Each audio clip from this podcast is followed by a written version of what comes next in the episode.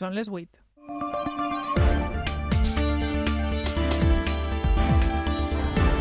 Les notícies de la nit amb Sara Garcia i José Soler.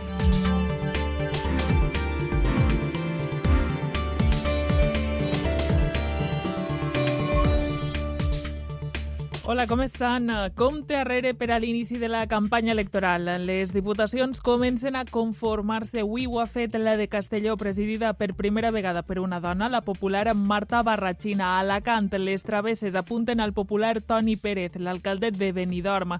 La incògnita a la Diputació de València, que no s'aclarirà fins demà, quan ens unix fa públic si dona suport a PSPB Compromís o a PP Vox per a governar-la. Però hi ha molta més informació política que veiem d'ací a uns minuts. Abans, repassem breument altres qüestions rellevants d'avui dimecres 5 de juliol amb José Soler, en el control tècnic Elena Herrera. L'agricultura ecològica està present ja en el 92% dels municipis de la comunitat valenciana. Som la quarta autonomia en superfície cultivada amb este tipus de conreu que no utilitza químics. En una dècada, la producció ha augmentat un 130%. Isaura Navarro, consellera d'Agricultura en funcions. El futur de l'agricultura valenciana passa clarament per l'agricultura ecològica, perquè és on està la presència de les dones i el relleu generacional, aleshores són també claus contra el despoblament rural. I pròrroga fins a final d'any per la gratuïtat del transport públic per a menors de 30 anys. El Consell també mantindrà el descompte del 50% per a tots els usuaris en els transports de la Generalitat.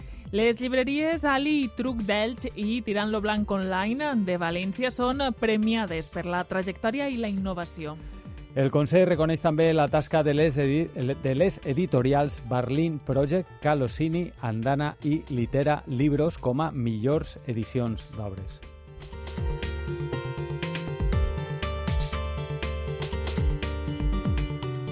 I en els esports avui hem parlat amb José Danvila, el designat com a gestor de l'era postquico catalana. I en tenis ens quedem sense valencians. Dani Hermosilla, hola. Què tal, eh, Sara? Bona vesprada. I si és Roberto Bautista i Sara Sorribes han quedat eliminats en Wimbledon, però parlarem molt del futur difícil i incert del Llevant Unió Esportiva. José Danvila ha comptabilitzat en 44 milions d'euros les conseqüències del penal famós aquell del playoff contra l'Alavés que li va impedir eh, pujar a primera divisió. Parlarà, parla del futur i de la seva proposta i sí que avança que no serà cap visible del club.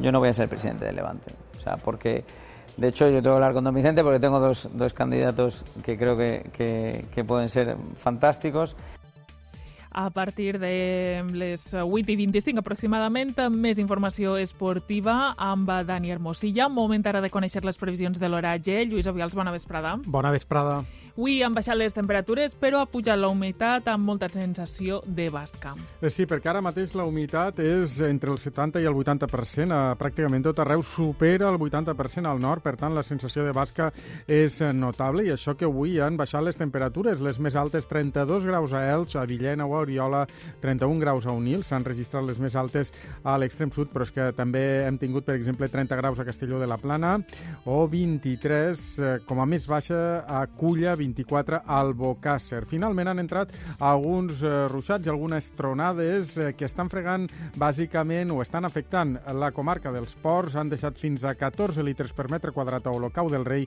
o 6 a Sorita. Eh, núvols, per tant, alguna pluja, humitat, eh, que repetirà demà a l'espera d'un ascens tèrmic important de cara al cap de setmana.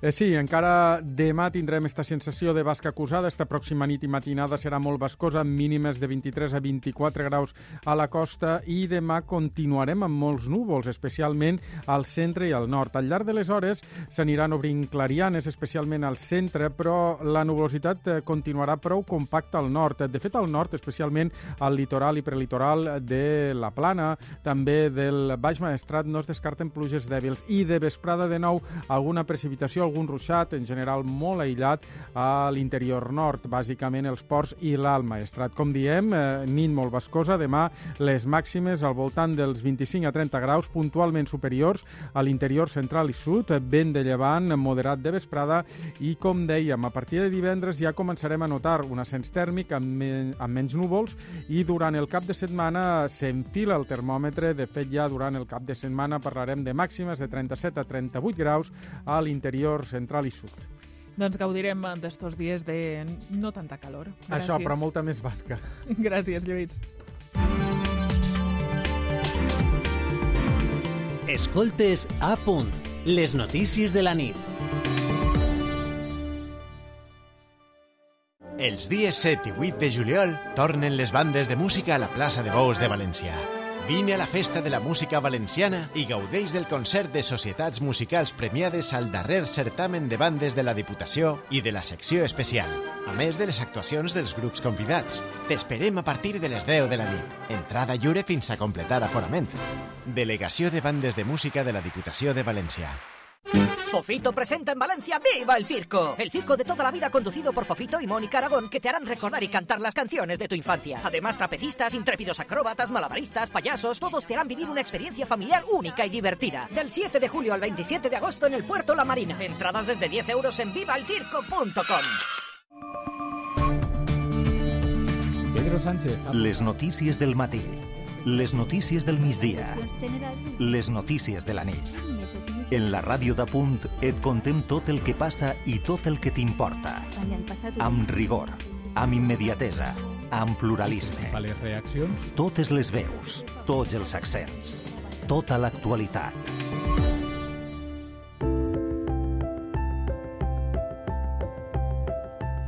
Són les 8 i 6. Comencem el relat informatiu en les notícies de la nit. A dos dies de l'inici de la campanya electoral per al 23J i en paral·lel a la conformació del nou Consell de la Generalitat, també van prenent forma les diputacions. Avui s'ha constituït la de Castelló amb la popular Marta Barratxina com a presidenta. A Alacant, el PP encara no ha nomenat formalment qui serà el candidat, encara que tot apunta cap a l'alcalde de Benidorm.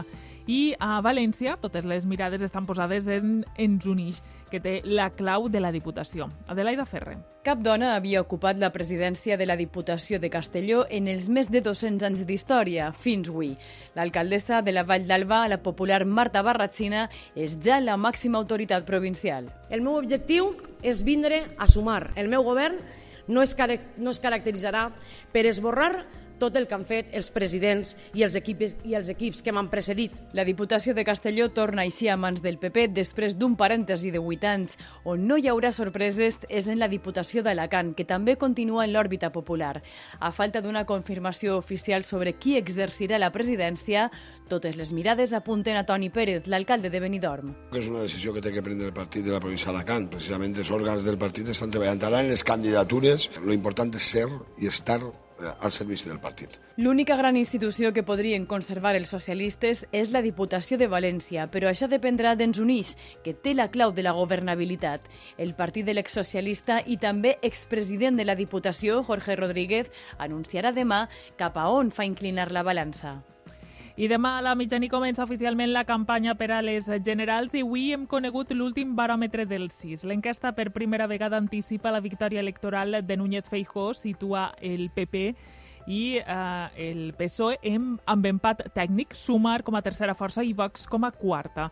Este seria el detall del CIS preelectoral, José. El PP seria el guanyador de les eleccions amb un interval d'escons entre 122 i 140.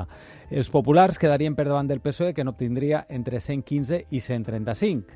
Tercers, Sumar. Tindria entre 43 i 50 diputats, molt per, damunt, molt, molt per damunt de Vox, que es quedaria entre 21 i 29. Altres partits com el PNB i Esquerra Republicana sumarien entre tots entre 17 i 28 escons.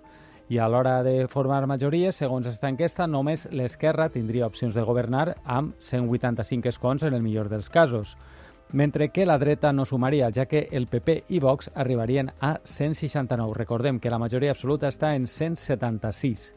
Com es repartirien els 33 escons que corresponen a la comunitat valenciana?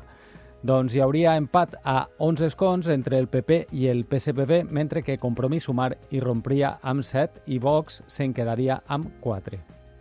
Hi ha poques hores perquè es reunisca per primera vegada a la mesa de les Corts i fixa el calendari de la investidura. El PSPB està reunit per a designar el síndic o síndica i els portaveus adjunts pel seu grup parlamentari que constituirà demà. A les 7 de la vesprada ha començat la reunió de l'executiva socialista i seguint l'última hora està Xavier García del Valle. Xavier, bona vesprada. Què en sabem a esta hora? Eh, es coneixen detalls?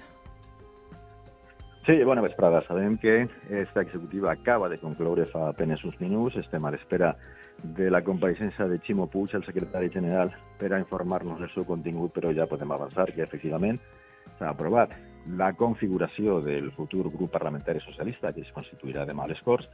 Ja sabem qui serà la síndica, Rebeca Torró, actualment consellera en funcions de política territorial. Tindrà com a síndics adjunts i portaveus adjunts Arcadi Espanya, que també és l'actual conseller en funcions d'Hisenda, José Chulvi, que és alcalde de Xàbia, i Maria José Salvador, que fins ara era vicepresidenta de les Corts. A banda d'això, Ximo Puig quedarà com a president del grup i també aspirarà a ocupar un escó de senador territorial al Senat per elecció d'aquestes mateixes Corts que ja estan constituïdes. L'altre punt que queda per aclarir i que esperem que ens ho digui ara mateix Ximo Puig és si el PSPB col·laborarà a accelerar el tràmit per a la investidura de Carlos Mazón. El PP considera es podria fer tot en els primers dies de la, de la pròxima setmana. Avui, Maria José Català, que és la número 2 del partit, ha dit que ho té tot pràcticament parlat amb pràcticament totes les forces polítiques. Ara Ximo Puig ens confirmarà si podem parlar d'una investidura de Mazón entre els dies 11 i 14 aproximadament de la setmana que ve. Moltes gràcies, Xavi, per esta última hora des de la seu del PSPB. I este matí Compromís Sumar ha presentat precisament el seu programa per al 23J amb la, amb la clara intenció de marcar una personalitat pròpia dins de la matriu estatal de Sumar. Per això, al costat de la defensa dels drets socials i les polítiques de gènere, inclouen un capítol molt especial dedicat a la igualtat territorial, un punt centrat en la reforma del sistema de finançament autonòmic que pose fi a la discriminació que ara pateix el nostre territori, com ha destacat Àgueda Micó, cap de llista al Congrés per València de Compromís Sumar l'eix central de la nostra campanya electoral i del nostre treball en el Congrés i en el Senat serà defensar la veu de tots els valencians i valencianes i per això necessitem un sistema de finançament just que revertisca aquesta situació d'infrafinançament que patim.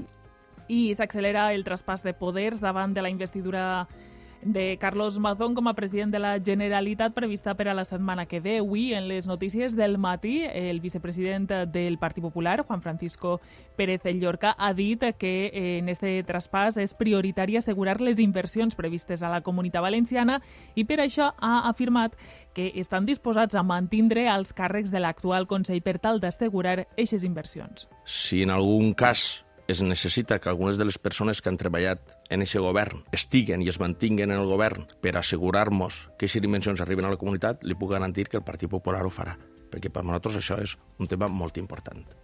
I un punt més. El Consell en funcions prorrogarà fins al eh, final d'any la gratuïtat del transport públic per a menors de 30 anys. L'encara president Ximo Puig ha anunciat que la decisió es prendrà este divendres en les reunions de les direccions de ferrocarrils de la Generalitat i de l'Autoritat del Transport Metropolità de València.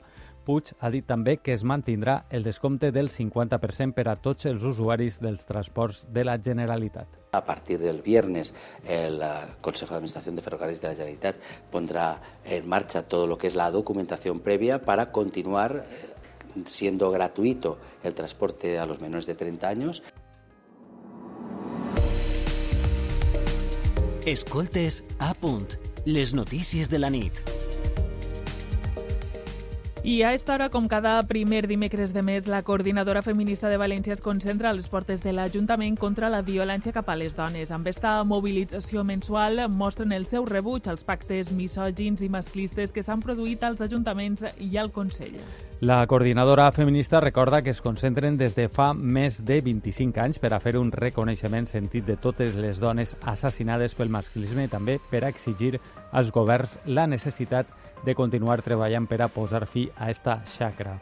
Denuncien que no hi ha setmana en què alguna dona siga cremada, ofegada, apunyalada, apallissada, llançada per un balcó, esquarterada, i adverteixen que ara ens trobem davant del futur govern de la Generalitat on no es tenen en compte les múltiples violències i discriminacions que pateixen les dones pel fet de ser-ho com demostra l'acord dels 50 punts programàtics signat entre, PC, entre PP i Vox. Recorden que només s'anomena la violència cap a les dones a l'entorn de la família. I el Consell General del Poder Judicial ha fet pública avui una nova actualització de les reduccions de pena i excarceracions per aplicació de la llei coneguda com del només sí. Dades arreplegades fins a dissabte 1 de juliol.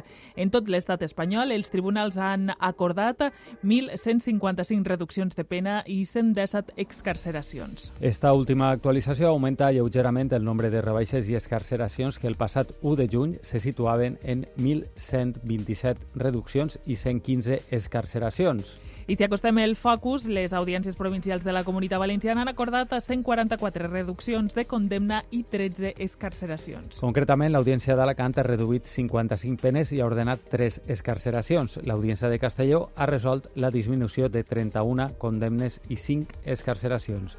En el cas de l'Audiència de València, les reduccions de pena són 58 i 5 escarceracions.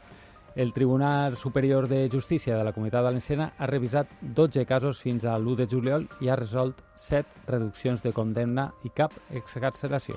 I en aquest context, a Albaida, des de les 8, estava prevista la concentració convocada pel col·lectiu LGTBI La Vall Diversa, després que este cap de setmana un home arrencara la bandera de l'Art de Sant Martí que penjava del balcó de l'Ajuntament i posara una bandera franquista. Amb el lema Omplim Albaida de colors, el col·lectiu mostra el seu rebuig als fets i fa una crida en favor dels drets LGTBI. L'Ajuntament d'Albaida, per la seva part, ha presentat una denúncia contra l'home que està identificat per un delicte d'odi.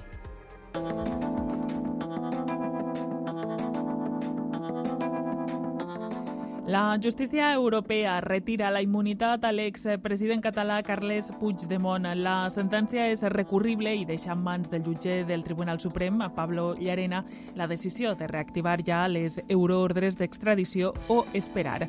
Laura Ribes. Puigdemont ja ha dit que recorrerà la sentència. Evidentment que presentarem recurs, quedi clar això. Els tres eurodiputats que gaudien d'immunitat parlamentària es queden sense protecció, però el Tribunal Superior de Justícia Europeu podria tardar fins a 8 mesos a dictar sentència de nou. Sentim l'exconseller Toni Comín. Guanyar no volia dir poder tornar lliures a Catalunya de manera immediata i perdre no vol dir ser extraditats a una presó espanyola de manera immediata. La ministra de Justícia Pilar Llop ha reclamat a Puigdemont que comparega i es congratula de la decisió. Es un espaldarazo, es un respaldo indudable a las instituciones españolas. Ara Pablo Llarena té via lliure per a reactivar les peticions d'extradició. El PP ho celebra, però carrega contra Pedro Sánchez. Si está en su mano, Sánchez indultará a Puigdemont. Y lo único que ha hecho es hacerle un traje a medida a los golpistas en Cataluña. Algunos se han beneficiado de eso, nosotros no. Nosotros no vamos a hacer eso. Puigdemont reitera que treballaran per a tornar com a ciutadans lliures. I la Comissió Europea torna a demanar a Espanya que renove amb urgència el Consell General del Poder Judicial. Ho diuen en el seu, en el seu informe anual de l'Estat de Dret. Brussel·les manté que el govern espanyol no ha pres mesures per a adaptar el nomenament dels jutges a la normativa europea.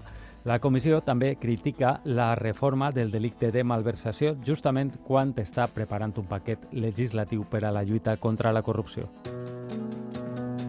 A punt. Les notícies de la nit. I a esta hora els bombers treballen en un incendi al polígon industrial L'Oliveral de Ribarroja de Túria, que s'ha declarat prop de les 7 de la vesprada i afecta una nau aïllada dins del recinte d'una empresa d'alimentació. Han evacuat els treballadors. Fran Martínez està allà. Bona vesprada. Quina és la situació a esta hora? Eh, així és. L'incendi fa poc més d'hora i 20 que està cremant i ha provocat una intensa fumareda que és visible des de desenes de quilòmetres. Així s'han desplaçat cinc dotacions de bombers que ara, a hores d'ara intenten controlar les flames ben visibles sobre el sostre d'una de les naus del centre logístic que Mercadona té al polígon L'Oliveral, en la intersecció entre el Bypass i la Nacional 3. Es tracta d'un magatzem exent, separat de la resta d'edificis i en els esforços es concentren ara en evitar que les flames voten a la resta del complex industrial. Segons s'ha informat l'empresa, tots els treballadors han sigut evacuats. De fet, als carrers del voltant es poden veure molts empleats agrupats per seccions de treball. En el WhatsApp de les urbanitzacions del voltant s'ha passat una informació que recomana al veïnat no eixir de les cases i tancar les finestres. Moltes gràcies, Fran. I parlem ara d'agricultura ecològica. L'edat mitjana de les persones que treballen en el cultiu ecològic és de 48 anys, mentre que en la producció convencional se situa en 64. A més, el 30% de l'activitat està realitzada per dones i això suposa un pas important per al futur de l'agricultura valenciana. Magda Nicolau en té més detalls. Relleu generacional i dones llauradores. Per a la consellera d'Agricultura en funcions, Isaura Navarro, factors clau per a resoldre dos dels problemes històrics del camp valencià. Si n'hi ha relleu generacional ni n'hi ha dones, n'hi ha futur per a l'agricultura a través de l'agricultura ecològica i n'hi ha una eina fonamental, en aquest cas també, contra el despoblament rural. A la capacitat de generar oportunitats de treball se suma la rendibilitat. Vicent Faro, president del Comitè d'Agricultura Ecològica, destaca el volum de facturació de la comunitat valenciana. Ha pujat un 372% en els últims 7 anys. Consolidació del sector, de creixement sostingut i, mai més ben dit, sostenible. Productes cultivats així, però que sobretot, com diu Faro, es venen fora. Trobem a faltar el consum intern i ahir és on tenim que incidir. El 2022 s'ha exportat el 64% del producte ecològic, més de la meitat.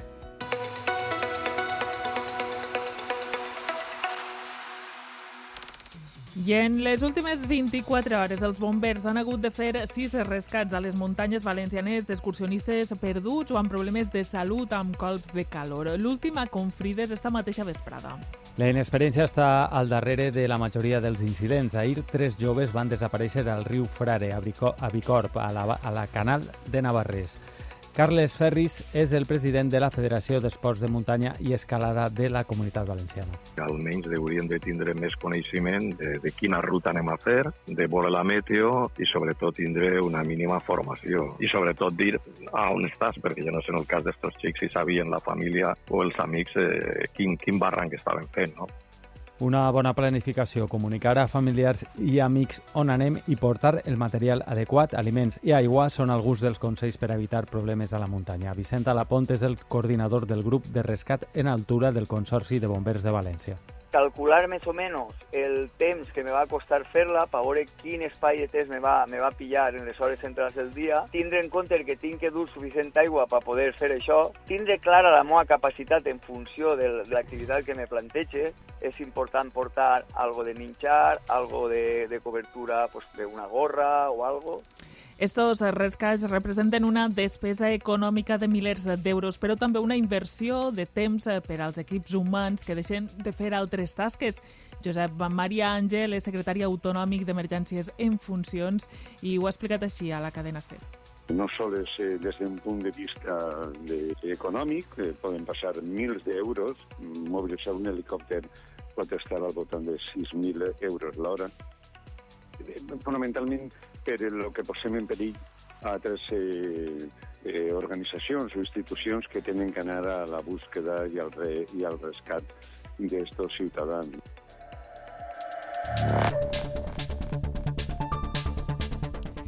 En, en informació internacional, els palestins s'acomiaden dels morts en la incursió israeliana als territoris ocupats a Cisjordània. 44 hores de violència que deixen 12 palestins i un israelià morts, un centenar de persones ferides, 30 detingudes i milers de persones desplaçades. Rafa Salom. Els funerals han omplit els carrers de la ciutat de Jenin. L'exèrcit d'Israel dona per acabada l'operació i ha completat la retirada este matí. Unes hores abans, la tensió s'ha traslladat a la franja de Gaza. L'aviació israeliana l'ha bombardejada esta matinada. L'objectiu, segons el govern, eren dos instal·lacions militars de Hamas. Tot només unes hores després de retirar-se Israel de Cisjordània, on deixen un rastre enorme de destrucció, on la població ha quedat sense aigua ni llum. I eh, informació d'última hora, la policia ucraïne, ucraïnesa investiga algunes explosions en el Tribunal de Kiev. Les primeres informacions apunten que un home que havia de declarar per un crim s'hauria tancat al bany per a després detonar l'artefacte causant el foc. De moment no s'ha esmentat cap vinculació amb Rússia. D'altra banda, Ucraïna i Rússia s'acusen mútuament de preparar una acció terrorista a la planta de Saporitja. L'agència nuclear de l'ONU no aprecia de moment l'existència d'explosius, però reconeix que encara queden zones per revisar i demana un accés total a les instal·lacions. Arturo Monedero. La central nuclear de Zaporizhia, la més gran d'Europa, està controlada per Rússia des de març del 2022. Zelensky advertís que els russos han col·locat objectes semblants a explosius en diversos edificis de la planta. Per contra, el Kremlin diu que Ucraïna prepara un sabotatge fent ús de residus radioactius i l'Agència Nuclear de l'ONU no aprecia cap indici, però demana que els seus inspectors puguen accedir-hi per a descartar tot perill. D'altra banda, les autoritats prorusses de Donetsk denuncien la destrucció d'un gran magatzem de coets i míssils. L'atac ucraïnès deixa, segons diuen, vora 70 persones ferides i un home mort. I en cultura, la Conselleria d'Educació i Cultura ha premiat la llibreria Ali Truc d'Elx per la seva trajectòria durant els últims 46 anys. També ha sigut premiada la llibreria Tirant lo Blanc Online de València per la innovació i la xarxa municipal de biblioteques públiques de Llíria pel foment de la lectura. Ali Truc és un referent de la cultura il·licitana des dels anys de la transició i una gran impulsora per als escriptors i escriptores locals, així com de la literatura en valencià. El premi es lliurarà el dia del llibre en valencià, el pròxim 20 de novembre, al monestir de Sant Miquel dels Reis. Escoltem David Retxe, propietari actual de Dali i Truc, el fundador, i el seu fundador, Paco Triguero i suportem molts als autors locals perquè vinguin així a fer les presentacions, eh, intenten tindre un club de lectura, també fent uns, un, uns sopars gastronòmico-literaris a un hotel de la ciutat, tenim concurs de, de relat... Possiblement sigui el millor premi que he tingut mai. Me pilla ja quan estic retirat, el que vol dir que d'alguna manera, que, que siga postmortem per a mi, però no és postmortem per a la llibreria, perquè el premi no és per a mi, el premi és per a la llibreria.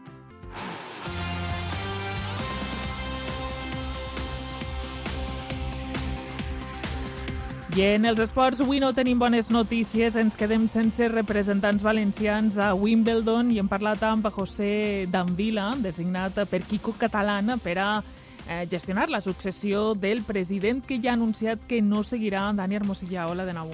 Hola, Sara. Així és. Eh, parlarem de Roberto Bautista i de Sara Sarribes que han caigut a Wimbledon, però comencem amb José Danvila amb qui la nostra companya Imma Cerro ha parlat esta vesprada. Dan Vila és l'assignat per Quico Catalán per a gestionar la seva successió d'alguna manera. Amb ell, com diguem, ha parlat Imma eh, Cerro, que ja la tenim al telèfon. Imma, bona vesprada. Quins titulars ens has deixat?